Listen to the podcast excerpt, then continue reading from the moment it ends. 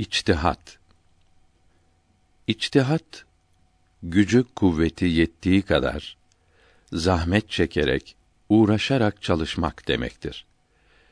İçtihattan maksat ayet-i kerimelerden ve hadis-i şeriflerden manaları açıkça anlaşılmayanları açıkça bildirilen diğer ahkâm-ı İslamiyeye kıyas ederek, benzeterek bunlardan yeni hükümler çıkarmaya uğraşmak, çalışmak demektir. Mesela anaya babaya itaati emreden ayet-i kerimenin meali alisi onlara öf sıkıldım demeyindir. Dövmekten, sövmekten bahs buyurulmamıştır. Ayet-i kerimede yalnız bunların en hafifi olan öf kelimesi açıkça bildirildiğine göre müçtehitler dövmenin, sövmenin ve hakaret etmenin elbette haram olacağını içtihad etmişlerdir. Yine mesela Kur'an-ı Kerim'de şarap içmek yasak edilmiş, başka içkiler bildirilmemiştir. Şarabın haram olmasının sebebi hamr kelimesinden de anlaşılacağı üzere tahmiri akl yani aklı karıştırdığı, giderdiği içindir. Bundan dolayı müçtehitler şarabın haram olmasındaki sebep herhangi bir içkide bulunsa haramdır diye içtihad etmişler. Her sarhoş eden şeyin haram olduğunu emir buyurmuşlardır. Allahü Teala Kur'an-ı Kerim'de içtihad ediniz diye emrediyor. Birçok ayet-i kerimelerden ilimleri derin olan yüksek derecedeki alimlerin içtihad ile emrolundukları anlaşılmaktadır.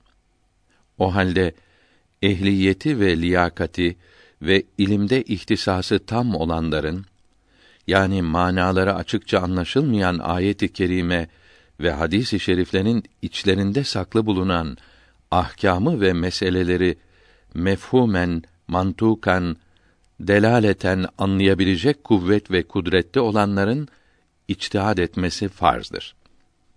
İçtihat makamına layık olabilmek için birçok kayıt ve şartlar vardır.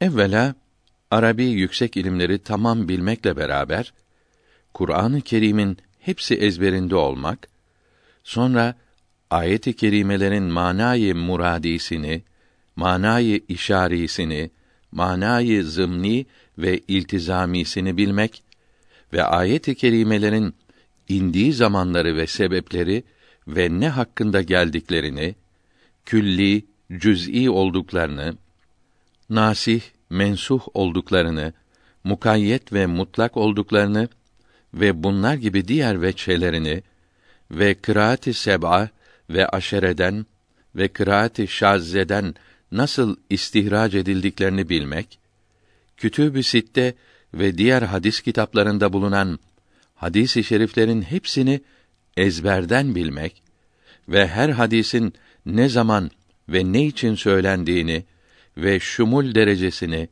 hangi hadisin diğerinden evvel veya sonra olduğunu, ait oldukları cihetleri, hangi vak'a ve hadise üzerine söylendiklerini ve kimler tarafından nakl ve rivayet edildiklerini ve bunların her birinin hal tercümelerini bilmek, fıkıh ilminin usul ve kaidelerine vakıf olmak, 12 ilmi ayet-i kerimelerin ve hadis-i şeriflerin rümuz ve işaretlerini, suri ve manevi tefsirlerini anlayıp kavrayabilecek ayrı bir irfana, nuri iman ve itminan ile dolu münevver ve muaffa bir kalp ve vicdana sahip bulunmak lazımdır.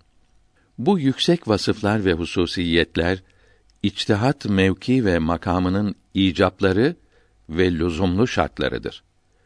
Fakat böyle faziletleri taşıyan akılları kuvvetli kimseler ancak peygamberimizin sallallahu aleyhi ve sellem asr-ı saadetinde ve sahabe-i kiramın radıyallahu teala anhum ecmaîn zamanında ve tabiin ve tebe-i tabiin devrinde bulunabiliyor, sohbet bereketiyle yetişiyordu.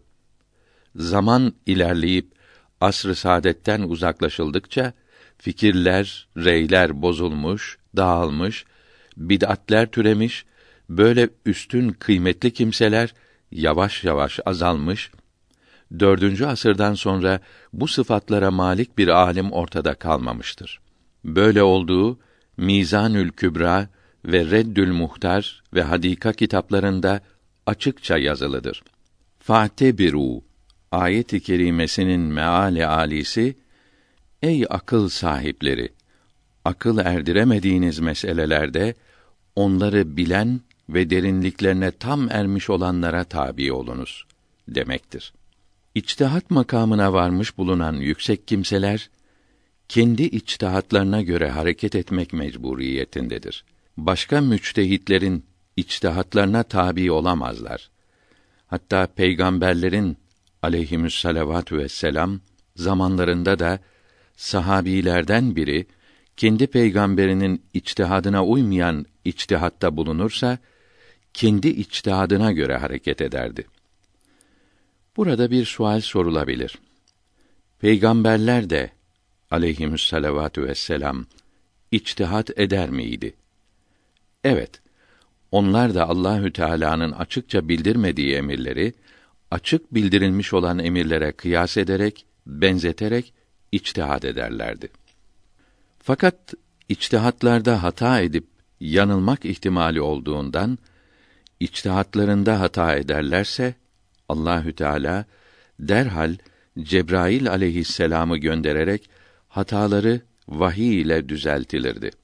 Yani peygamberlerin aleyhimüsselavatü vesselam içtihatları hatalı kalmazdı. Mesela Bedr gazasında alınan esirlere yapılacak şey için server alem sallallahu aleyhi ve sellem bazı sahabe-i kiram ile birlikte bir türlü Ömer radıyallahu anh ise başka türlü içtihat etmişlerdi. Sonra ayet-i kerime gelerek Allahü Teala İmamı Ömer'in radıyallahu an içtihadının doğru olduğunu bildirdi. Bunun gibi Abese suresi de bir içtihat hatasını düzeltmek için nazil olmuştu. Tefsiri Hüseyin Kâşifi Peygamber Efendimizin sallallahu aleyhi ve sellem vefatları sırasında hokka ve kalem hakkındaki emirlerinin anlaşılmasında Hazret Ömer'in radıyallahu an içtihadı yine böyledir ki ileride bildireceğiz. Eshab-ı kiramdan sonra radıyallahu teala anhum ecmaîn meşhur dört imam ve bunların mezheplerine göre içtihad eden İmam Ebu Yusuf, İmamı Muhammed, İmamı Züfer, İbn Nüceym, İmamı Rafi'i, İmamı Nevevi, İmamı Gazali ve benzerleri rahimehumullahü teala gibi yüksek alimler yetişti. Asr-ı saadet uzaklaştıkça hadis-i şerifleri nakl ve rivayet eden 12 silsilenin yani haber verme zincirinin halkaları arttı. Hadis-i şeriflerin hangi silsileden ve hangi kimselerden alınacağı düşünülecek bir mesele oldu ve çok güç ve belki imkansız oldu. Bundan dolayı dördüncü asırdan sonra içtihad edebilecek bir alim yetişemez oldu. Bütün Müslümanlar bu dört imamdan birine tabi olup o imamın mezhebine uymaya mecbur oldu.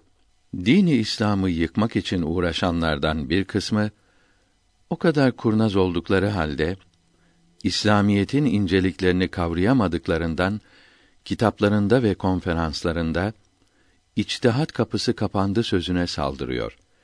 Fakat kürsülerden saçtıkları rakı kokularıyla beraber çürük ve boş kafalarından ağızlarına sızan hezeyanları dinleyicilere gülünç olmaktan başka tesir yapamıyor. Elhamdülillah İslam semasını kaplayan korkunç irtidat bulutlarının karartmakta olduğu gençliğin saf ve berrak ruh deryası hakikat güneşinin beliren tek tük şualarıyla ışıldamaya başlamaktadır. İçtihat bir ibadet olduğundan yani Allahü Teala'nın emri olduğundan hiçbir müçtehit diğer bir müçtehidin içtihadına yanlış diyemez. Çünkü her müçtehide kendi içtihadı haktır ve doğrudur. Mesela İmam-ı Şafii rahimehullahü teala Hanefi mezhebinde olmadığı halde İmam-ı Azam Ebu Hanife'nin rahmetullahi aleyh rey ve içtihadını beğenmeyene Allahü Teala lanet etsin. Yani merhamet etmesin buyurmuştur. İmamı Ebu Yusuf ve İmamı Muhammed ve diğer imamların rahimehumullahü teala İmam-ı Azam'a uymayan sözleri onu beğenmemek, kabul etmemek değildir. Kendi içtihatlarını bildirmektir. Bunu bildirmeye memurdurlar. Server-i alem sallallahu aleyhi ve sellem uzak memleketlere gönderdikleri sahabe-i kirama güçlük karşısında kalınca ayet-i kerimelere müracaat etmelerini, orada bulamazlarsa hadisi şeriflere müracaat etmelerini, orada da bulamazlar ise kendi rey ve içtihatlarıyla hareket etmelerini emir buyururdu. Kendilerinden daha yüksek ilimli ve fikirli olsalar dahi başkalarının fikir ve içtihadına uymamalarını emir buyururdu. İşte bunun gibi İmamı Ebu Yusuf ve İmamı Muhammed de rahimehumallahü teala hocaları, üstatları olan İmam-ı Azam Ebu Hanife rahmetullahi aleyhim Hazretlerinin fikir ve reyine tabi olmayıp kendi içtihatlarıyla hareket ederlerdi. Halbuki İmam-ı Azam'ın rahmetullahi aleyh ilmi, fikri onların üstündeydi ve onların üstadıydı. Dört mezhep arasındaki farklar da bundan ileri gelmektedir. Mesela Hanefi mezhebinde kan akınca abdest bozulduğu halde İmam-ı Şafii'nin içtihadında bozulmuyor. Şafii mezhebinde bulunan biri elinden kan akınca abdest almadan namaz kılarsa hiçbir Hanefi ona abdestsiz namaz kıldı diyemez. Çünkü onun tabi olduğu mezhep imamının içtihadı böyledir. Hanefi mezhebinde bulunan bir kimse yabancı bir kadının nikahla alması ebedi haram olan 18 kadından başkasının derisine dokunduktan sonra abdestini yenilemeden namaz kılsa hiçbir Şafii de o Hanefi'nin abdestsiz namaz kıldığını söyleyemez. O halde abdestte, namazda, nikahta, mirasta, vasiyetlerde, talakta, cürm ve cinayetlerde, alışverişte ve bunlar gibi birçok şeylerde imamlarımızın yani en büyük din alimlerinin birbirine uymayan sözleri hep içtihatları olup hiçbiri diğerinin sözüne yanlış, bozuk dememiştir. Sahabe-i kiram da Rıdvanullahi aleyhim ecmaîn böylece birçok işlerde birbirlerine uymamışlarsa da hiçbiri diğerinin içtihadına yanlış dememiş, dalalet, fısk demeyi hatırlarına bile getirmemişlerdir. Mesela Ebu Bekr Sıddık radıyallahu anh halifeyken Müslüman olmasını teşvik için bir muhtediyi bir sahabinin yanına katarak Beytül Mal'in muhafaza memuru olan Hazreti Ömer'e radıyallahu an gönderdi. Buna zekat hissesini versin diye emreyledi. Ömer radıyallahu an ise bu parayı vermedi. Müellefe-i kulüp ismi verilen bu gibi kimselere zekat verilmesi ayet-i kerimede emredilmiş iken niye vermedin diye sorunca İmam Ömer radıyallahu an kâfirlerin kalplerini yumuşatmak emri Allahü Teala'nın vaad ettiği zafer ve galibiyet başlamadan evvel kâfirlerin azgın olduğu zamandaydı. Şimdi ise Müslümanlar kuvvetlenmiş, kâfirler mağlup ve aciz olmuştur. Şimdi kâfirlerin kalplerini mal ile kazanmaya lüzum kalmamıştır buyurdu. Müellefe-i kulüp denilen kâfirlere zekat verilmesi emrini nesheden yani yürürlükten kaldıran ayet-i kerimeyi ve Muaz hadisini okudu. İmam Ömer'in radıyallahu an bu içtihadının Sıddık-ı Azam'ın rey ve içtihadına uymaması onun bu emrini reddetmek değildir. Beytül Mal'in yani Müslümanlara ait para ve eşyanın muhafazasına ve idaresine memur olduğu için içtihadını söylemişti. Ebu Bekr de radıyallahu an bu içtihadından dolayı ona bir şey dememişti. Hatta içtihadını değiştirerek eshab-ı kiramın hepsi Hazreti Ömer gibi içtihad eylediler. İmam-ı Rabbani ikinci cilt 36. mektup sonlarında Eshab-ı kiramın Resulullah'ın sallallahu aleyhi ve sellem içtihadından ayrılmasına misal olarak şunu da yazmaktadır. Peygamberimiz sallallahu aleyhi ve sellem vefat etmesine yakın bir zamanda bana kağıt veriniz. Size bir şeyler yazacağım buyurmuştu. Orada bulunanlardan bir kısmı kağıt verelim dedi. Bir kısmı da vermeyelim dedi. Ömerül Faruk radıyallahu anh bu kısımdan idi. Allahü Teala'nın kitabı bize yetişir dedi. Bu yüzden de ona dil uzatıyor, kötülüyorlar. İşin iç yüzünü anlasalar bir şey söyleyemezler. Çünkü Faruk radıyallahu anh vahyin son bulduğunu, Cebrail aleyhisselamın gökten artık haber getirmeyeceğini ve rey ve içtihattan başka bir yolla ahkam çıkarılamayacağını bilmişti. O anda Resulullah'ın sallallahu aleyhi ve sellem yazacağı şeyler içtihatla bulunacak şeyler olacaktı. Allahü Teala'nın içtihad ediniz emriyle başka müçtehitler de bunları bulabilirdi. İşte Ömer radıyallahu teala anh bunları hemen düşünerek Resulullah'ı sallallahu aleyhi ve sellem o vecalı, sıkıntılı anda üzmek, yormak istemedi. Başkalarının yapacağı içtihatları kafi gördü ve bize Kur'an-ı Kerim yetişir buyurdu. Yani müçtehitlerin kıyas ve içtihad etmeleri için Kur'an-ı Kerim kafidir dedi. Yalnız Kur'an-ı Kerim'i söylemesinden anlaşılıyor ki hallerden ve işaretlerden anlamıştı ki yazılacak ahkamın içtihadı hadisi i şeriflerden çıkarılmayıp Kur'an-ı Kerim'den çıkarılacak şeylerdi. O halde Hazret Ömer'in radıyallahu an kağıt getirmeye mani olması Resulullah'ı sallallahu aleyhi ve sellem hastalığın şiddeti, ağrıların kesreti zamanında üzmemek, yormamak için merhamet ve şefkatinden idi. Zaten kağıt istemeleri de emir şeklinde değil, başkalarını içtihat zahmetinden kurtarmak için acıdıklarından idi.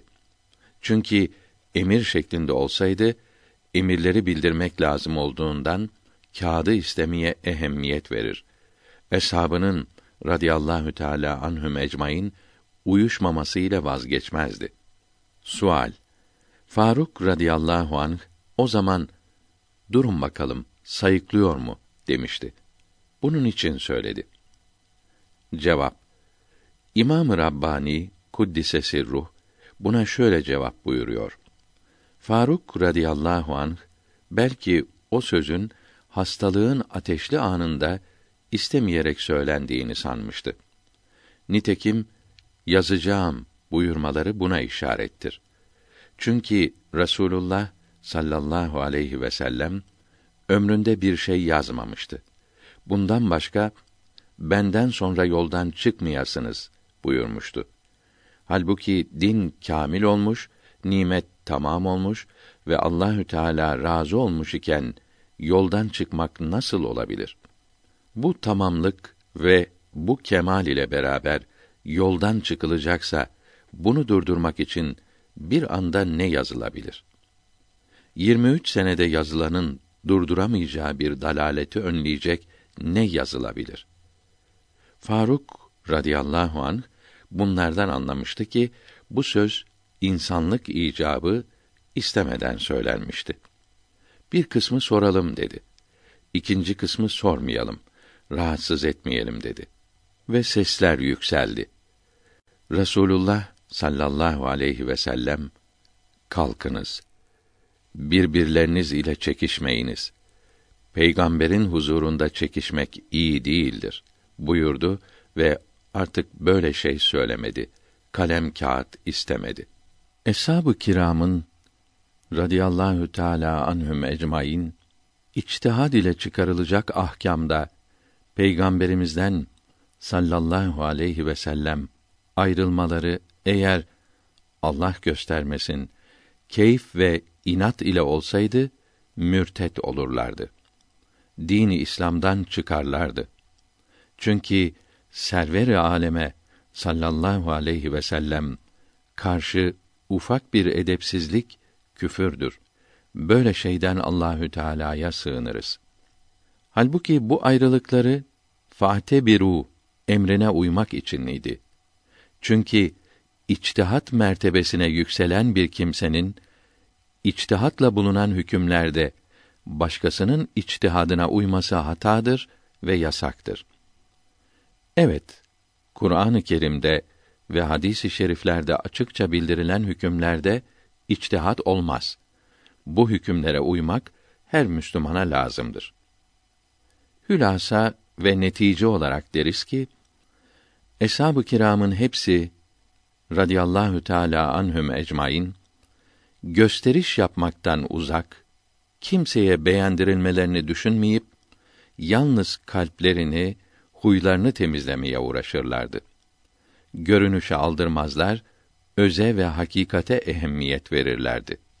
Birinci işleri Rasulullah'ın sallallahu aleyhi ve sellem emirlerini yapmak, onu gücendirmekten sakınmak idi.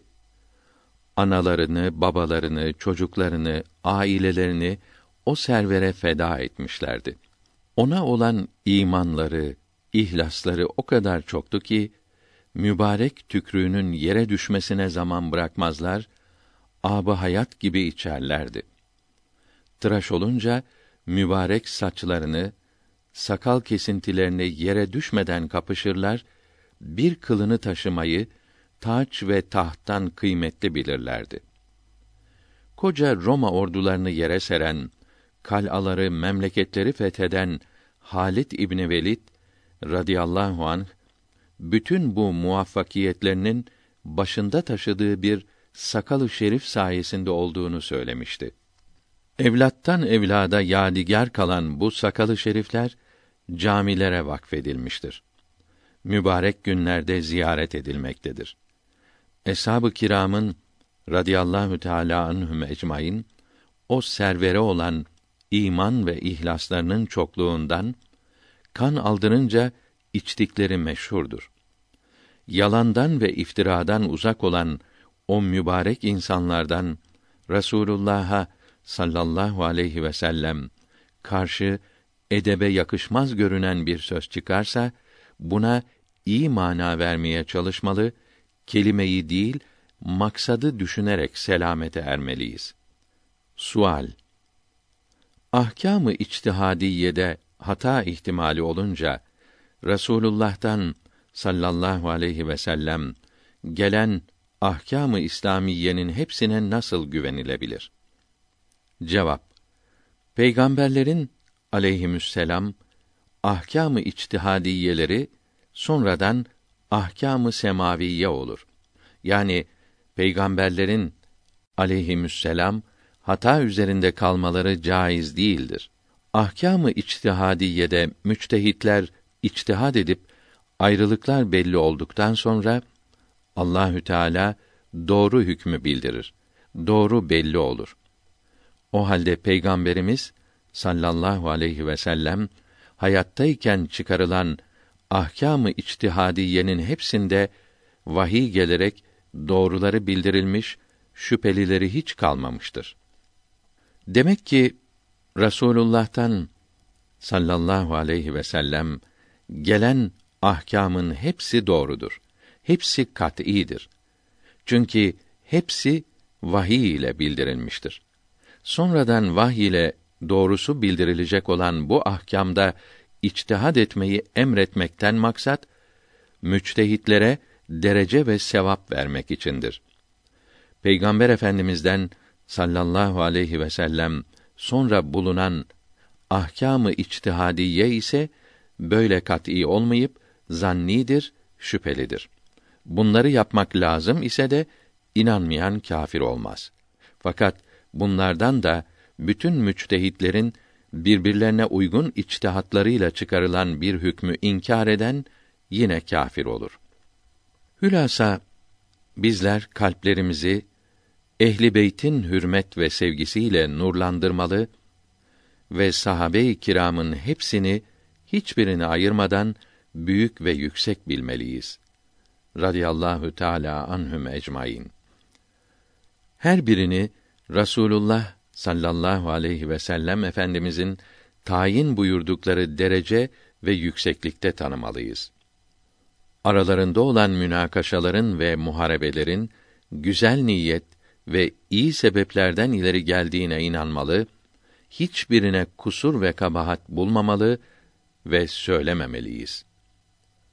İmam-ı Şafii ve İmam-ı Ahmet radıyallahu anhuma buyuruyorlar ki ellerimiz o kanlara bulaşmadığı gibi dillerimizi de bulaştırmaktan muhafaza edelim. O halde sahabe-i kiramın hepsini Rasulullah'ın sallallahu aleyhi ve sellem talebeleri oldukları için saf ve temiz bilmemiz ve çok sevmek, hürmet etmek lazım geldiğini itikad etmemiz icap eder. Sahabe-i kiramın, tabiin-i izamın ve tebe-i tabiinin ve müçtehitlerin ve mütekellimin, fukaha, muhaddisin, müfessirin ve bu ümmetin salihlerinin hepsi böyle itikad etmişlerdir. Ehli sünnet ve cemaat denilen zümre-i naciyenin de mezhep ve itikatları bu doğru yoldur. Bir kimse bu ümmet-i necibenin evliyasından birinin birkaç gün meclisinde bulunup onun sohbetiyle güzel huylarından, faziletlerinden edinerek faydelenince buna bütün dünyada kıymet biçilmez iken nasıl olur da eshab-ı kiramın birbirleriyle olan ayrılıkları ve muharebeleri kötü maksatlı kimselerin kendilerine benzeterek söyledikleri ve kitaplarında yazdıkları gibi çirkin ve uygunsuz bilinir. Çünkü eshab-ı kiram aleyhimür rıdvan Resul-i Ekrem'i sallallahu aleyhi ve sellem aşırı severlerdi. Uğrunda canlarını, mallarını, mülklerini, evlatlarını, ezvaç, baba ve analarını ve vatanlarını terk ve feda ederlerdi. Uzun zamanlar sohbetlerinde bulunarak her cihetten faydelenmiş ve Peygamber Efendimizin sallallahu aleyhi ve sellem ahlakı ile ahlaklanmış, aşağı huylardan temizlenmiş, kalpleri, nefisleri saf ve pak olmuştu. Peygamber Efendimizin sallallahu aleyhi ve sellem eshab-ı kiramı radıyallahu teala anhum ecmaîn için böyle söylemek ve zannetmek asla caiz değildir. Böyle söyleyen ve yazan zavallılar bilmiyorlar mı ki onlara düşmanlık edenler doğrudan doğruya server-i aleme sallallahu aleyhi ve sellem düşmanlık etmiş oluyorlar. Onları kusurlu bilmekle fahri alemi sallallahu aleyhi ve sellem kusurlu göstermiş oluyorlar. Bunun içindir ki dinimizin büyükleri peygamberimizin aleyhisselatu vesselam eshabına hürmet etmeyen, onları kusurlu bilen Resulullah'a sallallahu aleyhi ve sellem iman etmemiş olur buyurdular. Cemel ve Sıffin vakaları onları kötülemeye sebep olamaz. İki taraftakiler de günaha girmedi, belki sevap kazandılar. Zira hadisi şerifte bildirildiği gibi içtihatta hata eden müçtehide bir sevap, isabet edene iki veya on sevap vardır. Şüphe yoktur ki ayrılık gizli maksatlar ve dünya arzuları için olmayıp ancak içtihatların uymaması sebebiyledir. İmamı Muhammed Kurtubi'nin teskiresi muhtasarında İmamı Abdülvehhab Şarani buyuruyor ki Muaviye ve Ali radıyallahu anhuma arasındaki muharebe ve ayrılıklar içtihat ayrılığından doğan dini bir meseleydi. Dünya arzularına kavuşmak için değildi. yani saltanat ve reislik sevdasıyla değildi ki söz edilsin. Belki din için olduğundan iyi ve makbul idi. İmamı Kurtubi ve Abdülvehhab Şarani bu dinin büyüklerindendir. Yine aynı kitapta diyor ki Resulullah sallallahu aleyhi ve sellem buyurdu ki bundan sonra yani benden sonra eshabım arasında fitne çıkarak muharebe olacaktır. Cenab-ı Hak bunları benimle olan sohbetlerinden dolayı af ve mağfiret eder. Bunlardan sonra gelen Müslümanlar arasında bu sebeple çıkacak fitnede kimse affolunmayacaktır. Çünkü onlar sahabi değildir. Yani sohbette bulunmamışlardır. İnsan dünyadayken sevdiği kimseyle haşrolacaktır. Sahabe-i kiramın hepsi server alemi sallallahu aleyhi ve sellem çok severdi. Yine aynı sayfede yazılı olan bir hadisi i şeriften anlaşılıyor ki Eshab-ı kiram aleyhimür rıdvan arasındaki muharebelerde hem ölen hem de öldürülen cennetliktir. Onların hepsi büyük müçtehit idi. Bir müçtehit kendinden daha yüksek bir müçtehidin içtihadından başka içtihat edince kendi içtihadıyla amel etmesi lazımdır. Başkasının içtihadına uyması caiz değildir.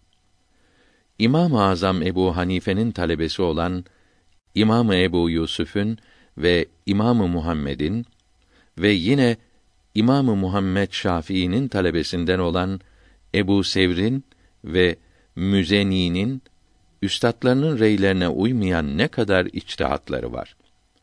Onların haram dediklerine helal, helal dediklerine haram demişlerdir. Bunlara günah işledi, hata etti denilemez. Kimse de böyle dememiştir. Zira ayrılmaları içtihat yüzündendir. Kendileri de müçtehittir. Eshab-ı kiramın her biri de böyle müçtehitti. Vahşi'den radıyallahu an Hazreti Ebu Bekre radıyallahu an kadar hepsi Hazreti Muaviye de radıyallahu an müçtehit idiler. Her biri peygamberimizin sallallahu aleyhi ve sellem kalplere işleyen mübarek nazarlarına ve dualarına kavuşmakla şereflenmiştir. Mesela Hazreti Muaviye radıyallahu teala anh Ya Rabbi onu hadi ve mehdi kıl duasına kavuşmuştu. Hadi doğru yolu bulmuş, hidayete ermiş, Mehdi hidayete getirici demektir. Düşünülürse bu dua dünya ve ahiretin en yüksek derecesini göstermektedir. Şüphe eden server-i alemin sallallahu aleyhi ve sellem duasının kabul olmayacağını iddia etmiş olur. Server-i alem sallallahu aleyhi ve sellem sahabenin büyüklerini sayarken Hazreti Ebu Bekr Sıddık radıyallahu teala anh için ümmetimin en merhametlisidir buyurdukları gibi Hazreti Muaviye radıyallahu anh için de ümmetimin en halimi ve en cömerdidir buyurmuşlardı. İyi düşünmelidir ki bu iki kıymetli huy ve sıfatın derecesi nerelere kadar yükselmektedir. İbn Hacer Mekki rahimehullahü teala Tathirül Cenan kitabının 27. sayfasında şöyle yazıyor. Abdullah İbni Abbas radıyallahu anhuma buyuruyor ki Cebrail aleyhisselam Peygamber aleyhisselatu vesselam efendimize geldi. Ya Muhammed sallallahu aleyhi ve sellem Muaviye'yi radıyallahu an sana tavsiye ederim. Kur'an-ı Kerim'i yazdırmakta ona emniyet et, güven dedi. Yine aynı sayfede yazıyor ki Resul-i Ekrem sallallahu aleyhi ve sellem bir gün mübarek zevcesi Ümmü Habibe'nin radıyallahu anha odasına geldi. O esnada Hazreti Muaviye radıyallahu an başını kız kardeşi Ümmü Habibe'nin radıyallahu anha kucağına koymuş uyuyordu. Resul Ekrem sallallahu aleyhi ve sellem bu hali görünce buyurdu ki: Ya Ümmi Habibe, kardeşini bu kadar çok mu seviyorsun? Kardeşimi çok seviyorum dedi. Peygamberimiz sallallahu aleyhi ve sellem buyurdu ki: Onu Allahü Teala ve Resulü de seviyor. O kitapta yine yazıyor ki Hazreti Muaviye radıyallahu anh Peygamber Efendimize sallallahu aleyhi ve sellem yakın akraba olmak ile şereflenmiştir. Çünkü kız kardeşi Ümmi Habibe radıyallahu anha Peygamber Efendimizin sallallahu aleyhi ve sellem zevcelerinden idi. Peygamberimiz sallallahu aleyhi ve sellem bir hadisi şeriflerinde buyuruyor ki Allahü Teala bana söz verdi ki kızlarını aldığım ve kızlarımı verdiğim aileler cennette benimle beraber olacaklardır. Hazreti Muaviye'nin radıyallahu anh faziletlerini bildiren hadisi şeriflerden birisi de budur ki Resulullah sallallahu aleyhi ve sellem Hazreti Muaviye'ye radıyallahu anh buyurdu ki sen melik olduğun zaman yani halife olduğun zaman vazifeni iyi yap. Hazreti Muaviye radıyallahu anh buyuruyor ki benim halife olmaya arzu ve hevesim bu hadisi şerifi işittiğim zaman başladı. Zira bu hadisi şerif benim halife olacağımı müjdeliyordu. Server alem sallallahu aleyhi ve sellem Hazreti Muaviye'nin radıyallahu anh ileride halife olacağını haber vermişti. Bu haber de mucizelerinden biridir. Muaviye radıyallahu anh bu hadisi şerifin muhakkak meydana çıkacağına imanı olduğundan halife olacağı zamanı bekliyordu. Fakat bunun hakiki zamanı Emirül Müminin İmam Ali'nin radıyallahu an vefatından ve İmam Hasen'in radıyallahu an hilafeti kendinden ayırarak ona verdiği andan sonraydı. Muaviye radıyallahu an acele ederek vaktinden önce Ayşe ve Zübeyr ve Talha'nın radıyallahu anhüm İmam Ali radıyallahu anh ile harp etmelerinden sonra bu arzusunu yerine getirmek istedi ki bunda yanılmıştı. Fakat bu hatası içtihatta hata olduğundan hiçbir şey denemez. Yine o kitapta diyor ki Server alem sallallahu aleyhi ve sellem Ebu Bekr ve Ömer'e radıyallahu anhuma danıştı. İki defa fikrinizi bana söyleyiniz buyurdu. Onlar Allahü Teala ve Resulü sallallahu aleyhi ve sellem daha iyi bilir dediler. Sonra Muaviye'ye radıyallahu anh haber gönderdi. Yanlarına gelince Rasulullah sallallahu aleyhi ve sellem buyurdu ki: İşlerinizde Muaviye'yi bulundurunuz. Çünkü o kavidir, emindir. Diğer bir hadisi şerifte Ya Rabbi Muaviye'ye hesabı ve kitabeti bildir. İslam memleketlerinde ona yüksek mevki ve makam ver. Emirlerinin yapılmasını kolaylaştır. Onu azaptan koru diye dua buyurdu. İmam Ömer radıyallahu an Muaviye'yi radıyallahu an meth ve sena edip Hazreti Ebu Bekr radıyallahu an Şam'ı alınca oraya vali yaptığı kardeşi Yezid'in vefatında onu kardeşi yerine vali tayin etti ve halife kaldığı on sene içinde vazifesinden azletmedi. İmam Osman ve İmam Ali radıyallahu anhuma da halifeyken Muaviye'yi radıyallahu an Şam valiliğinde bırakıp azletmediler. O zaman birçok vilayetler valilerinden şikayet ettikleri halde Muaviye radıyallahu an daima sevilmiş, kimse onu şikayet etmemiştir. Sofiye Aliye'nin büyüklerinden ve reislerinden olan Gavs-ı Azam Seyyid Abdülkadir Geylani rahimehullahü teala bütün müminlere dini öğretmek ve itikatlarını düzeltmek için yazdığı Gunyetü't Talibin kitabının birinci cüzünün 54. sayfasında Ebu Bekr, Ömer, Osman ve Ali ve Hasan radıyallahu anhüm hilafetlerini uzun uzadıya anlattıktan sonra diyor ki İmam Ali radıyallahu anh vefat edince İmam Hasan radıyallahu anh Müslümanların kanı dökülmemesi ve herkesin rahat etmesi için hilafeti bırakmak istedi ve Muaviye'ye radıyallahu an teslim eyledi ve onun emirlerine tabi oldu.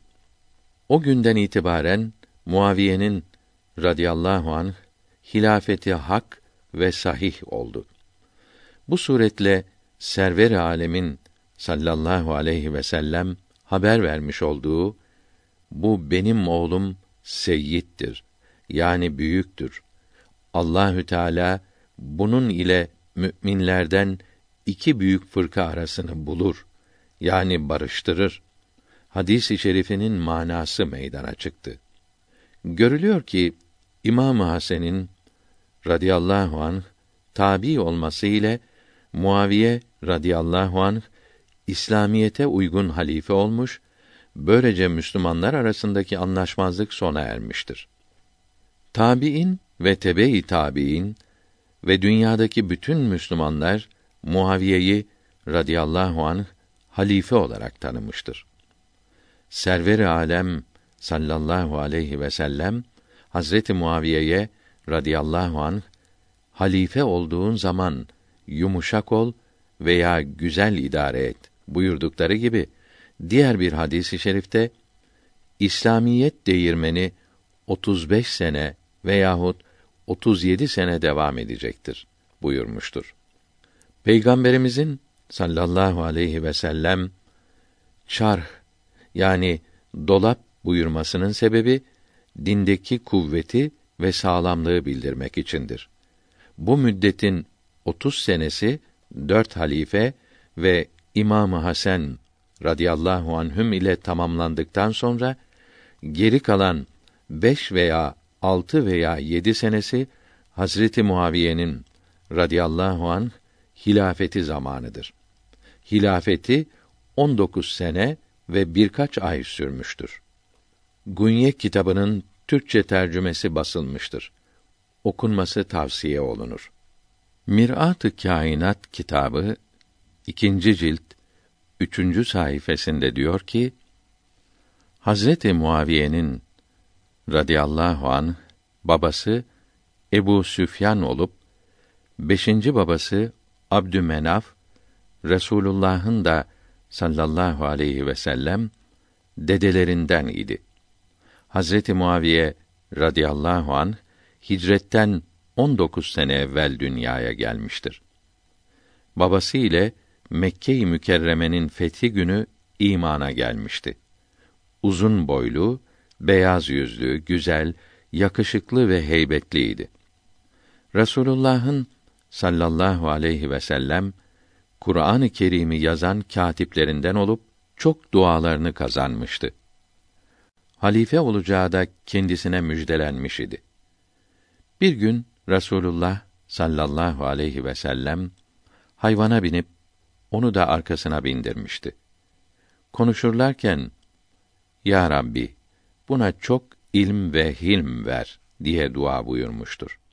Tarihlerin hepsi diyor ki aklı, zekası, affı, cömertliği, idaresi, yumuşaklığı pek ziyade olup dillerde gezerdi. Affı ve yumuşaklığı hakkında nice hikayeler vardır ve iki büyük Arabi kitap halinde neşredilmiştir. Arabistan'da dört dahi yetişmiştir. Hazreti Muaviye, Amr İbni As, Mugiret İbni Şube radıyallahu teala anhuma ve Ziyad bin Ebih'tir.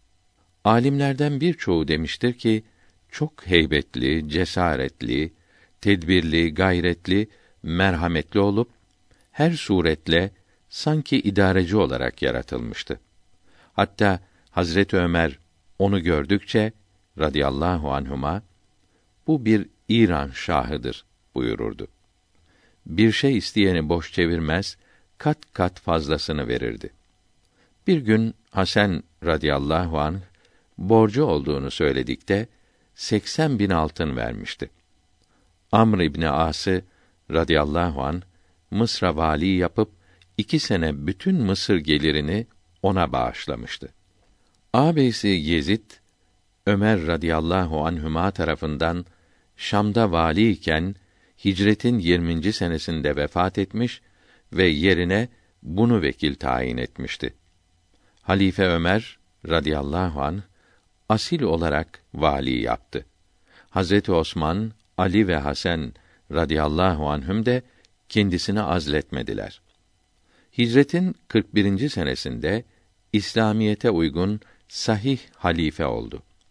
Buna bütün İslam memleketlerinde bulunanlar razı olup bu seneye Amül Cemaa ismi verildi.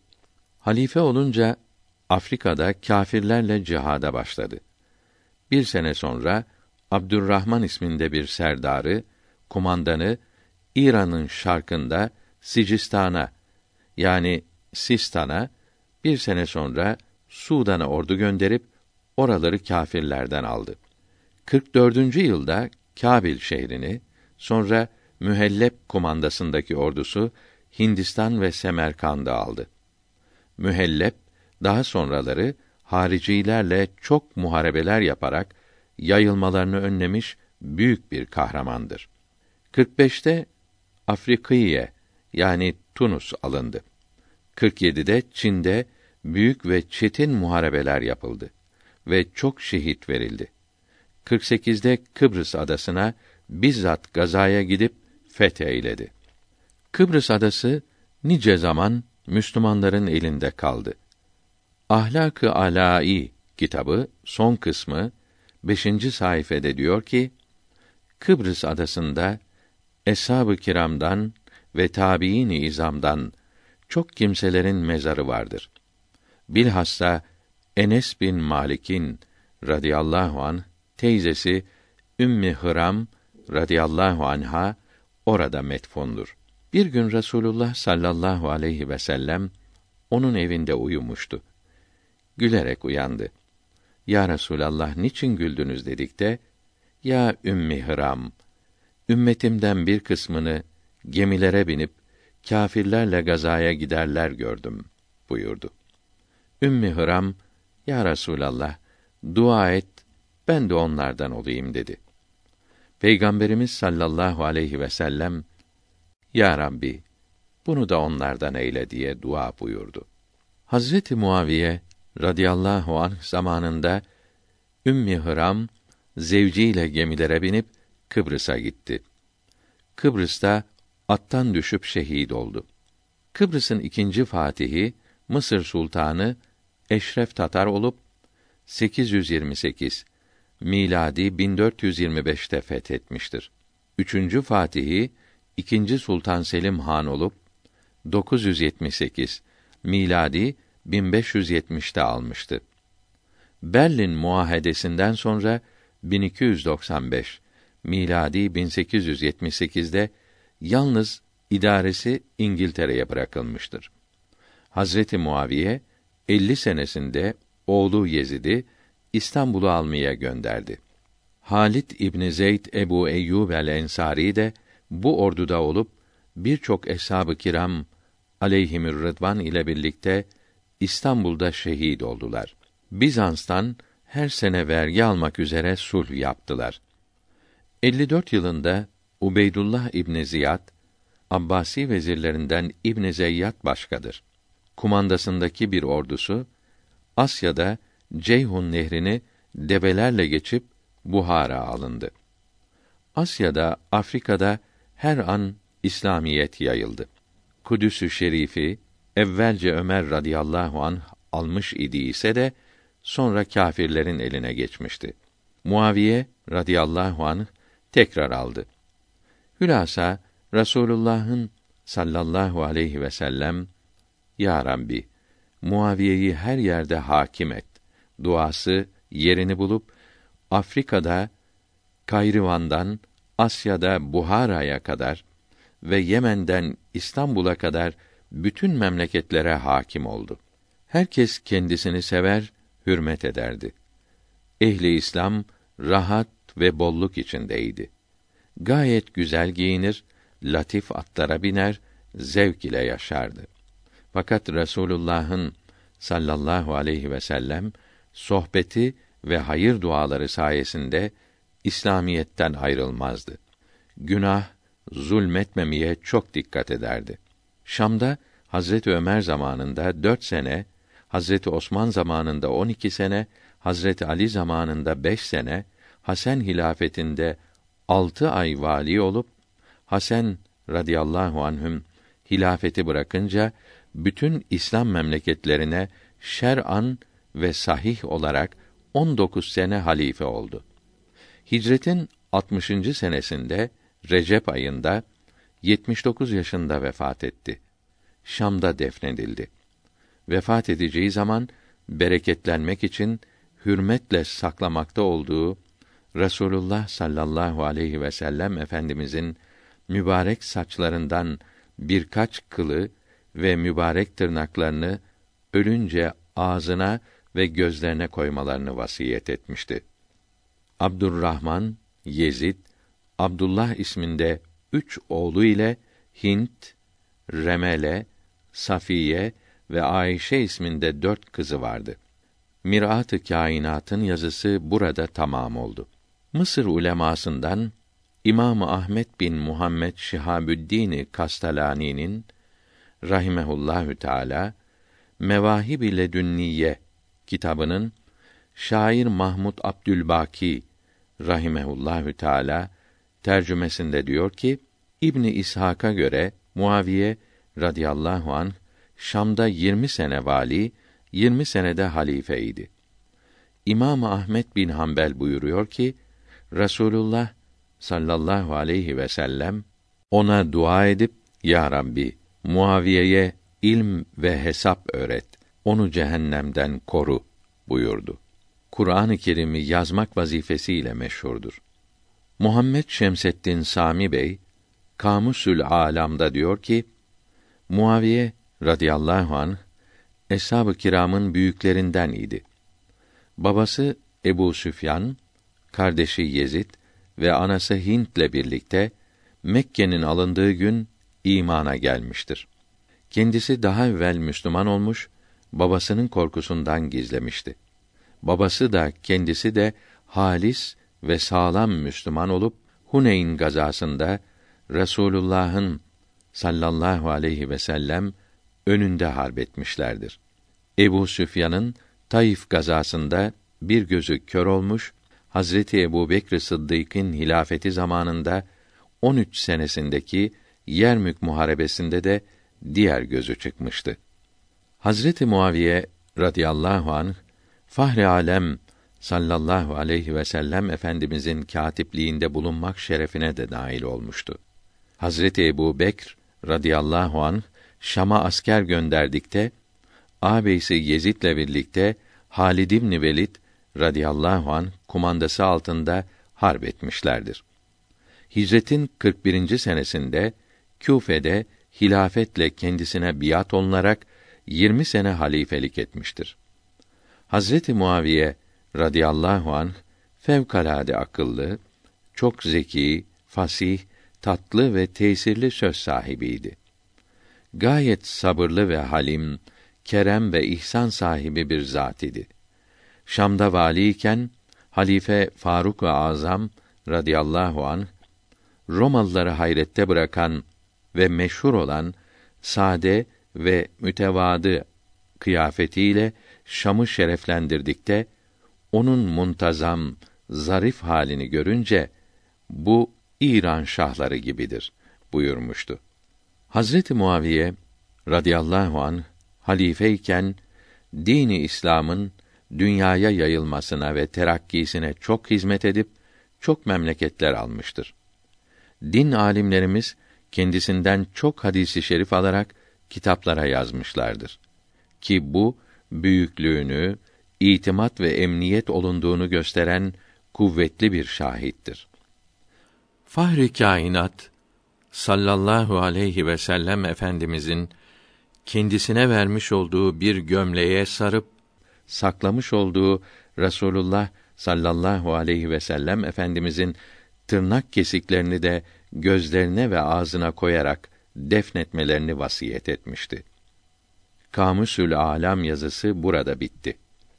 Mecelle ismindeki çok kıymetli kitabı hazırlamakla dini İslam'a büyük hizmet eden ve en doğru 12 cilt Osmanlı tarihini yazmış olan Lofçalı meşhur Ahmet Cevdet Paşa rahimehullahü teala Kısas-ı Enbiyasının 7. cüz'ü 192. sayfasında diyor ki: Hicretin 60. senesinde Muaviye radıyallahu an hutbe okuduktan sonra Ey Müslümanlar üzerinizde hakimliğim uzun sürdü.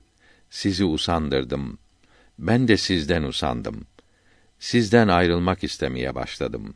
Siz de benden ayrılmak ister oldunuz. Fakat benden sonra size benden iyisi halife olmaz. Nitekim benden evvelkiler de benden iyiydiler. Her kim Allahü Teala'ya kavuşmak isterse Allahü Teala da ona kavuşmayı sever. Ya Rabbi, sana kavuşmak istiyorum. Sen de benim mülakatımı irade buyur. Beni mübarek ve mes'ud eyle dedi. Sonra hasta oldu. Oğlu Yezid'i huzuruna isteyip dedi ki: Yavrum, seni seferler ile dolaşmaktan kurtardım. Her işini kolaylaştırdım. Herkesi sana itaate getirdim. Sana kimseye nasip olmayan mal bırakıyorum. Hicaz ahalisini gözet ki onlar senin aslındır. Sana geleceklerin en muhteremidirler. Irak ahalisini de gözet. Her gün senden bir memurun azledilmesini isteseler bile azlet. Şam ahalisini de gözet ki onlar senin yardımcılarındır. İşleri bitince bunları yine Şam'a getir. Çünkü başka memleketlerde çok kalırlarsa ahlakı bozulur. Sana rakip olacak üç kişidir. Bunlardan Abdullah bin Ömer radıyallahu teala anhuma ibadete düşkündür. Herkes sana biat edince o da eder. Hüseyin bin Ali radıyallahu teala anhuma hafif bir zattır. Küfeliler onu sana karşı ayaklandırabilir. Galip gelince onu affet. O bize akrabadır. Üzerimizde çok hakkı vardır. Rasulullah sallallahu aleyhi ve sellem efendimizin torunudur. Abdullah bin Zübeyr radıyallahu teala anhüma ise arslan gibidir. Ondan çok korun. Vefatına yakın ben ölünce cud cömertlik de beraber ölür. Çok kimselerin ihsan kapıları kapanır. İsteyenlerin elleri boş kalır." dedi ve Zituva köyünde bir Kureyşi olup da keşke halife olmasaydım dedi. Ve Recep ayında vefat eyledi. Radiyallahu anh. Kendisi uzun boylu, beyaz, heybetli, çok sabırlı ve halim, yumuşak idi. Yumuşaklığı dillerde gezerdi. Bir gün huzuruna bir adam gelip pek ağır ve çirkin konuştuğu halde hiç cevap vermemişti. Buna da mı sabr ve tahammül edeceksiniz denildikte biz mülkümüze taarruz etmeyenlerin sözüne ilişmeyiz diyerek millete verdiği söz hürriyetini canlı misal ile göstermişti. Milleti İslamiye'de içtimai teşkilat kuran odur. Hatta şehirler arası postayı ihdas etmişti. Hazreti Ali radıyallahu an buyurdu ki Hazreti Muaviye'nin radıyallahu anh idaresini fena görmeyiniz. Onu kaybederseniz başların arkadan zuhur ettiğini görürsünüz. Hazreti Ali radıyallahu anh ile muharebe edenlerden cesaretiyle, zekasıyla meşhur Amr İbni As radıyallahu anh hicretin 43. senesinde Fıtr bayramı gecesi vefat etti. O gece ağladı. Oğlu Abdullah, niçin ağlıyorsun? Ölümden mi korkuyorsun dedikte, hayır, ölümden korkmam. Fakat öldükten sonra başıma geleceklerden korkuyorum. Çünkü üç türlü hayat geçirdim. Önce kafir idim. Resulullah'a sallallahu aleyhi ve sellem herkesten çok düşmanlık ederdim. O zaman ölseydim muhakkak cehenneme gidecektim. Sonra Rasulullah'tan sallallahu aleyhi ve sellem en çok haya eden ben oldum. O zaman ölseydim herkes beni tebrik ederdi. İslam olarak şereflendi, hayır üzere öldü derler ve cennete gitti bilirlerdi. Daha sonra hakim oldum, vali oldum. Milyonla insanın idaresi, hakkı altına girdim. Şimdi ne haldeyim bilmiyorum. Ölünce bana ağlamayınız. Cenazemi sessiz götürünüz. Mezarımın üstüne taş ve ağaç koymayınız dedi. Tövbe ve istiğfar ederek vefat etti.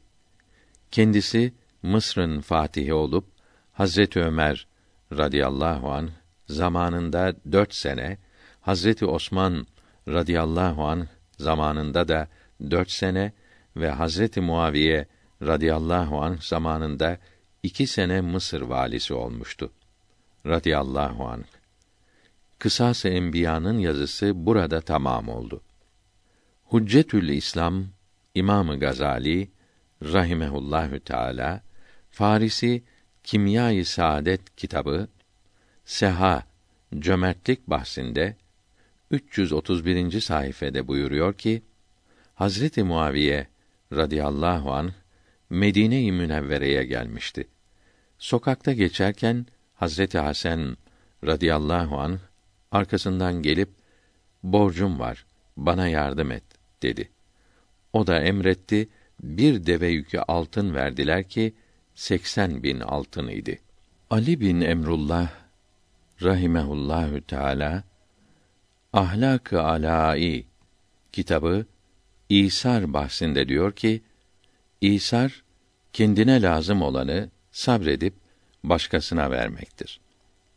İslam cömertlerinden en meşhuru Abdullah bin Cafer Tayyar radıyallahu anhuma idi. Bunu Hazreti Muaviye radıyallahu anh çok severdi. Her sene kendisine on milyon dirhem gümüş maaş verirdi. Bu paranın hepsini fakirlere, muhtaçlara, yetimlere, dullara dağıtır, sene sonunda borçlanırdı. Abdullah'a her sene neden bu kadar çok para verip devletin hazinesini boşuna sarf ediyorsun diye Muaviye radıyallahu an hazretlerine sorduklarında ben bu malı Abdullah'a vermiyorum. Medine-i Münevvere'nin fakirlerine veriyorum. İsterseniz tetkik edin dedi. Araştırdılar, hepsini fakirlere, yetimlere verip kendinin ve ailesinin tasarruf ile yaşadığını görerek devlet hazinesinin yerinde sarf edildiğini anladılar. Halifenin bu tedbirine, uyanıklığına ve cömertliğine hayran oldular. Eshab-ı kiram aleyhimür rıdvan risalesinin başından buraya kadar dinde söz sahibi olan büyüklerin kitaplarından birkaç şey kısaca yazıldı. Din büyüklerinin söz birliğiyle bildirdiği bu hakikatler karşısında dinden haberi olmayan hurufi tekkeleri döküntülerinin sözlerine ve bazı abdestsiz, namazsız dervişlerin yazılarına aldırmamalı. Ehli sünnet alimlerinin rahimehumullahü teala kitaplarında bildirilen itikat ve ibadet yollarına sarılarak sonsuz felaket ve pişmanlıktan kurtulmalıyız. Evet, İslamiyeti, itikadı ve ibadetleri öğrenmek her erkeğe ve her kıza farzdır, lazımdır. Fakat bunları içki masalarında hususi maksatlarla yazılan ve din düşmanlarının kitaplarından tercüme edilen yazılardan ve sözlerden değil, mezhep imamlarımızın bildirdiklerinden öğrenmeliyiz. Dedelerimizin yolundan ayrılmamalıyız. Bazı kimseler hiçbir Müslüman çocuğuna Muaviye ismini koymamıştır. Bu da bu ismin ve isim sahibinin sevilmediğini alamettir diyor. Bu düşünce pek yanlıştır. Cahil bile buna ancak güler.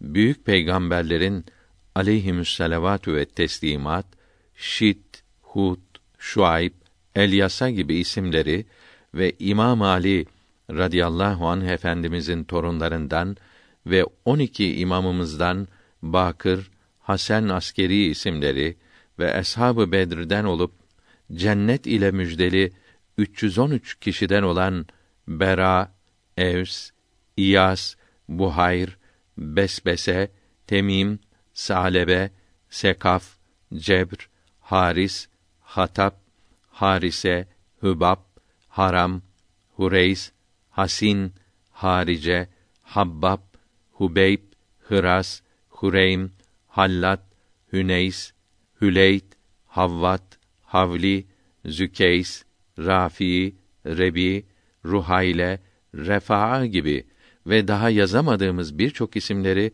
bugün hiçbir Müslüman kullanmadığı için bu isimlerin sahipleri olan peygamberler aleyhisselam ve eshab-ı kiramın en büyükleri ve kıymetlileri sevilmez mi diyecekler.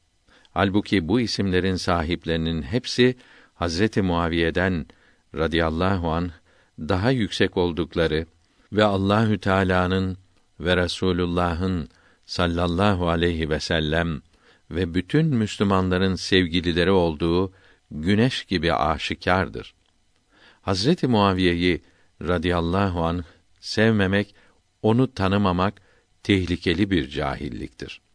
Fakat onu kötülemek, gençleri kandırmak için böyle çürük ve gülünç düşünceler söylemek bu cahilliği ve iftirayı meydana çıkarmaktan başka bir şeye yaramaz. Hazreti Ali radıyallahu anh ile muharebe eden eshab-ı kiramın aleyhimür rıdvan bize hiçbir yakınlığı ve hiçbir tanışıklığı yok.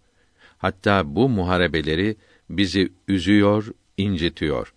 Fakat peygamberimizin sallallahu aleyhi ve sellem eshabı oldukları için onları sevmekle emrolunduk. Her birini incitmekten, onlara düşmanlık etmekten men olunduk. O halde hepsini sevmeye mecburuz. Onları peygamberimizi sallallahu aleyhi ve sellem sevdiğimiz için severiz. Onlara düşmanlıktan ve eziyet etmekten kaçınırız. Çünkü onların incitilmesi ve düşmanlığı Peygamber sallallahu aleyhi ve sellem efendimize gider. Yalnız haklı olanı ve yanılanı söyleriz. Yani Hazreti Emir radıyallahu an haklıydı. Ona karşı gelenler hata etmiş idi. Bundan fazla bir şey söylemek doğru değildir. İsmail Kemalettin Karamani rahimehullahü teala Şerh-i Akaid kitabını açıklarken yazıyor ki İmam Ali kerremallahu veçe buyurdu ki kardeşlerimiz bizi dinlemedi. Onlar kâfir değildir. Günaha da girmedi. Çünkü dinden, İslamiyetten anladıklarını yapıyorlar. İçtihatta yanılmak kabahat değildir ve bir şey söylenemez. Onların eshab olduğunu düşünerek hepsini iyi bilmeliyiz. Allahü Teala hepimizi doğru yoldan ayırmasın.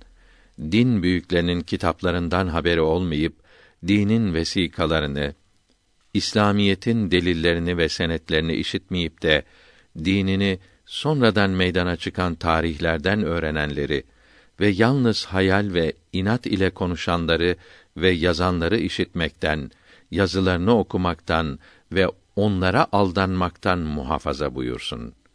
Amin.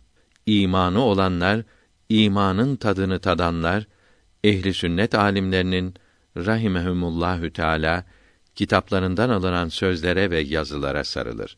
Bunlardan zevk alır. Din adamı geçinen cahillerin sözlerinden ve yazılarından nefret eder, kaçar. İmam-ı Rabbani Kuddisesi Ruh ikinci ciltte 36. mektup sonunda buyuruyor ki: Sahabe-i kiramın üstünlüğünü anlatan Rıdvanullahi aleyhi ecmaîn mektubu ehli beyt-i Resulün sallallahu aleyhi ve sellem medh ve senası ile bitirelim. Seyyid-i kainat aleyhi ve ala alihi selavatü ve selam buyurdu ki Ali'yi radıyallahu an seven muhakkak beni sevmiştir. Ona düşmanlık eden muhakkak bana düşmanlık etmiştir. Onu inciten muhakkak beni incitmiştir. Beni inciten muhakkak Allahü Teala'yı incitmiş olur. Bir hadisi şerifte buyurdu ki Allahü Teala bana dört kimseyi sev diye emretti. Onları kendisinin de sevdiğini bildirdi. Onların isimlerini bize söyler misiniz denildikte Ali onlardandır. Ali onlardandır. Ali onlardandır.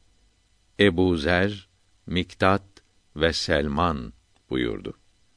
Bir hadisi şerifte Ali'nin radıyallahu anh güzel yüzüne belki mübarek vücudu şerifine severek bakmak ibadettir buyurdu.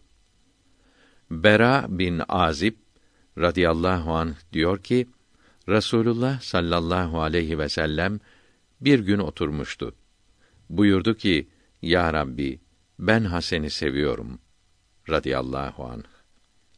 Hazreti Ebu Bekr radıyallahu anh diyor ki Resulullah'ın sallallahu aleyhi ve sellem yanında İmamı Hasan vardı. Bir kere bize, bir kere Hasan'e radıyallahu anh bakarak benim bu oğlum seyyittir, efendidir. Ümmid ederim beklerim ki Allahü Teala onun ile Müslümanlardan iki fırkanın arasını bulur. Yani Müslümanlardan iki fırka sulh ederler buyurdu. Üsame bin Zeyd radıyallahu anh diyor ki, Peygamber Efendimizi sallallahu aleyhi ve sellem gördüm. Hasan ve Hüseyin radıyallahu anhuma mübarek kucağında oturuyorlardı. Buyurdu ki, bu ikisi benim oğullarımdır ve Kerimemin oğullarıdır. Ya Rabbi, ben bunları seviyorum. Sen de sev ve bunları sevenleri de sev. Enes radıyallahu anh diyor ki, Resulullah'a sallallahu aleyhi ve sellem ehli beytin radıyallahu teala anhum ecmaîn içinden en çok kimi seviyorsunuz diye sordular. Buyurdu ki Hasan ile Hüseyin'i radıyallahu anhuma. Bir hadisi şerifte buyurdu ki Fatıma radıyallahu anha benim bir cüz'ümdür. Yani benden bir parçadır. Onu kızdıran beni incitir. Ebu Hureyre radıyallahu anh diyor ki Peygamberimiz sallallahu aleyhi ve sellem İmam Ali'ye radıyallahu anh karşı buyurdu ki Fatıma bana senden daha sevgilidir. Sen bana ondan daha azizsin. Yani kıymetlisin. Hazreti Ayşe'den nakledildiğine göre Müslümanlar Peygamberimize sallallahu aleyhi ve sellem hediye takdim etmek istediklerinde ancak Ayşe-i Sıddıka'nın radıyallahu anha hücre-i ismetinde bulundukları zaman getirirlerdi. Ve bu validemizin tavassut ve delaletiyle Peygamber Efendimizin sallallahu aleyhi ve sellem rızasını kazanmaya çalışırlardı. Yine Ayşe radıyallahu anha diyor ki Resulullah'ın sallallahu aleyhi ve sellem zevcatı tahiratı iki kısma ayrılmıştı. Bir kısmı ben ve Hafsa ve Safiye ve Sevde, ikinci kısmı Ümmi Seleme ve diğerleriydi. Radiyallahu anhünne. Bu ikinci kısımdakiler kendi aralarında konuşup eshab-ı kiramın hediyelerini Resulullah sallallahu aleyhi ve sellem neredeyse oraya getirmelerini, yalnız Ayşe Sıddîka'nın evine teşrif edecekleri zamanı beklememelerini istirham etmek için Ümmi Seleme'yi huzur-i saadete gönderdiklerinde bana eziyet vermeyiniz. Bana vahy ancak Ayşe'nin radıyallahu anha elbisesiyle örtülüyken geliyor. Yani diğer ezvacı mütehharatın yataklarındayken bana vahiy gelmedi. Yalnız Ayşe'nin radıyallahu anhünne yatağındayken geldi buyurdu. Bunu işitince Ümmü Seleme radıyallahu anha seni bundan sonra incitmemeye andım olsun. Tövbeler olsun ya Resulallah dedi. Başka bir zaman yine bunun için Fatıma Tüz Zehra'yı radıyallahu anha gönderdiklerinde ey kızım niçin benim sevdiğimi sevmezsin? Benim mahbubem senin dahi mahbuben değil midir? buyurduklarında Fatıma radıyallahu anha evet dedi. Öyleyse sen de onu sev buyurdular. Yine Ayşe-i Sıddıka radıyallahu anha diyor ki Peygamber Efendimizden sallallahu aleyhi ve sellem ne zaman Hatice'nin radıyallahu anha ismini işitsem gayretime dokunurdu. Bununla beraber onu görmemiştim. Onu çok sevdikleri için onun akrabasına hediye gönderirlerdi. Bazen latife yollu dünyada sanki Hatice'den radıyallahu anha başka kadın yok mu derdim. O şöyle şöyle böyle böyleydi ve benim ondan evlatlarım vardı buyururlardı. Abdullah İbni Abbas radıyallahu anhuma diyor ki, Peygamberimiz sallallahu aleyhi ve sellem buyurdu ki, Abbas bendendir ve ben ondanım. Bir hadisi şerifte buyurdu ki, ailem yüzünden beni incitenlere şiddetli azap vardır. Ebu Hureyre radıyallahu anh diyor ki, Peygamberimiz sallallahu aleyhi ve sellem buyurdu ki, sizin iyileriniz benden sonra ehli beytime iyilik edenlerdir. İmam Ali radıyallahu anh diyor ki Peygamberimiz sallallahu aleyhi ve sellem buyurdu ki ehli beytime iyilik edenlere kıyamet günü şefaat ederim. Yine İmam Ali radıyallahu anh diyor ki Peygamberimiz sallallahu aleyhi ve sellem buyurdu ki Sırat köprüsünden ayakları kaymadan geçenler ehli beytimi ve eshabımı çok sevenlerdir.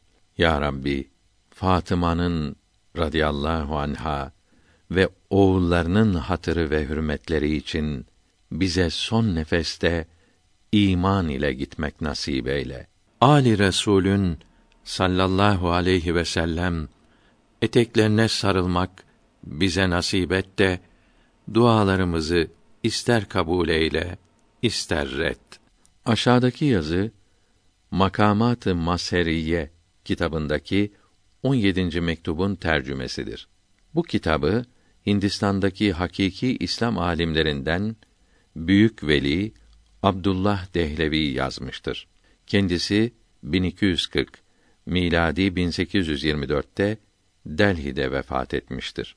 Üstadı Maser Canı Canan'ın yanındadır.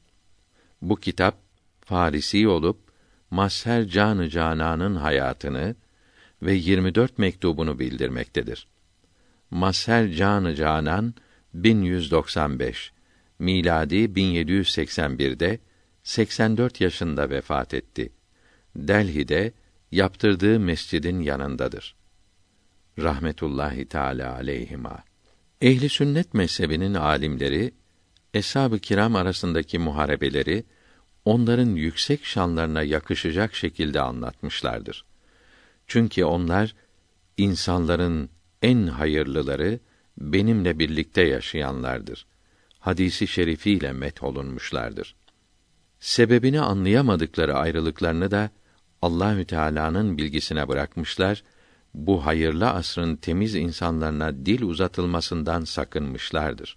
Hayırlı oldukları bildirilen ilk üç asırda yetişmiş olan hadis ve fıkıh alimlerinden hiçbiri eshab-ı kiramın zamanına çok yakın oldukları ve onların hallerini çok iyi bildikleri halde ve Ali Mürteza'ya radıyallahu an karşı olanların hata ettiklerini bildirdikleri halde hiçbirini kötülemek caiz değildir demişlerdir. Evet, Şam ve Bağdat askerleri arasında birkaç gün muharebe oldu ise de bu halleri içtihat ayrılığından idi. Birbirlerini kâfir bilmekten değildi. Bu fitne Emirül Müminin Osman'ın radıyallahu teâlâ anh şehit edilmesiyle başladı. Muharebe zamanında eshab-ı kiram üçe ayrılmıştı.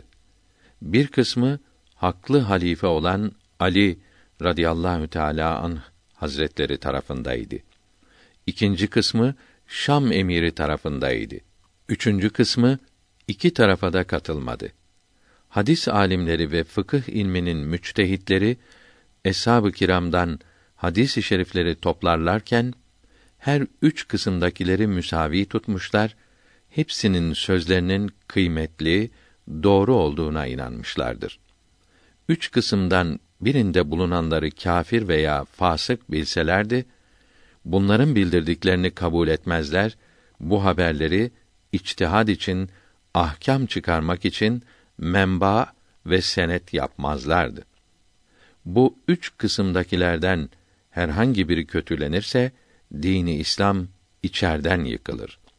Bu büyüklere dil uzatmamak, İslamiyete hizmet etmek olur.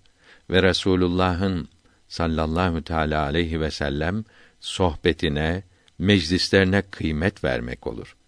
Eğer Resulullah'ın akrabasına kıymet vermek çok lazımdır denirse evet öyledir. Fakat Resulullah'ın akrabasından hiçbiri kendileriyle harbeden sahabilerden hiçbirine kâfir demedi. Evet, harbedenlerin birbirlerini sevmemeleri, kötülemeleri lazımdır. Fakat hadis-i şeriflerle methedilen bu hayırlı insanlar birbirlerini asla kötülememişlerdir. Resulullah'ın akrabasını sevmek bütün Müslümanlara vaciptir. Onların incinmelerini istemek de bu sevgiyi bozar. Eshab-ı kiramın aleyhimür rıdvan birbirleriyle muharebelerini konuşmak, yazmak doğru değildir. Bu hale üzülmeli ve susmalıdır. Şii denilen bazı kimseler taşkınlık yapıyorlar. Uydurma haberlere aldanarak o temiz insanları kendi nefisleri gibi zannediyorlar. Eshab-ı kirama kâfir diyecek kadar taşkınlık yapıyorlar. Halbuki Rasulullah'ın sallallahu teala aleyhi ve sellem hayatını, sözlerini bizlere onlar bildirdi. Ömürlerini Resulullah'ın sohbetinde geçiren, onun terbiyesi ve nasihatleriyle edeplenen, olgunlaşan, mallarını ve canlarını onun için feda eden, ondan sonra da onun dinini yaymak için çalışan kimselerin küfürden kurtulamayacakları düşünülebilir mi? Allahü Teala bu hizmetlere, gayretlere hiç merhamet etmemiş midir? Onlara merhamet edilmezse sonra gelen bizim gibi günahkarlar nasıl af ve rahmet bekleyebiliriz? Geçmiş peygamber cemaatinin hepsinin kâfir oldukları ve onun evlatlarına, akrabasına düşman oldukları hiç işitilmiş midir? Böyle olsaydı Allahü Teala'nın peygamber göndermesi abes olurdu, faydasız olurdu. Zamanların en iyisi olarak müjdelenmiş olan zaman zamanların en kötüsü olurdu. İnsanların en iyileri en kötüleri olurdu.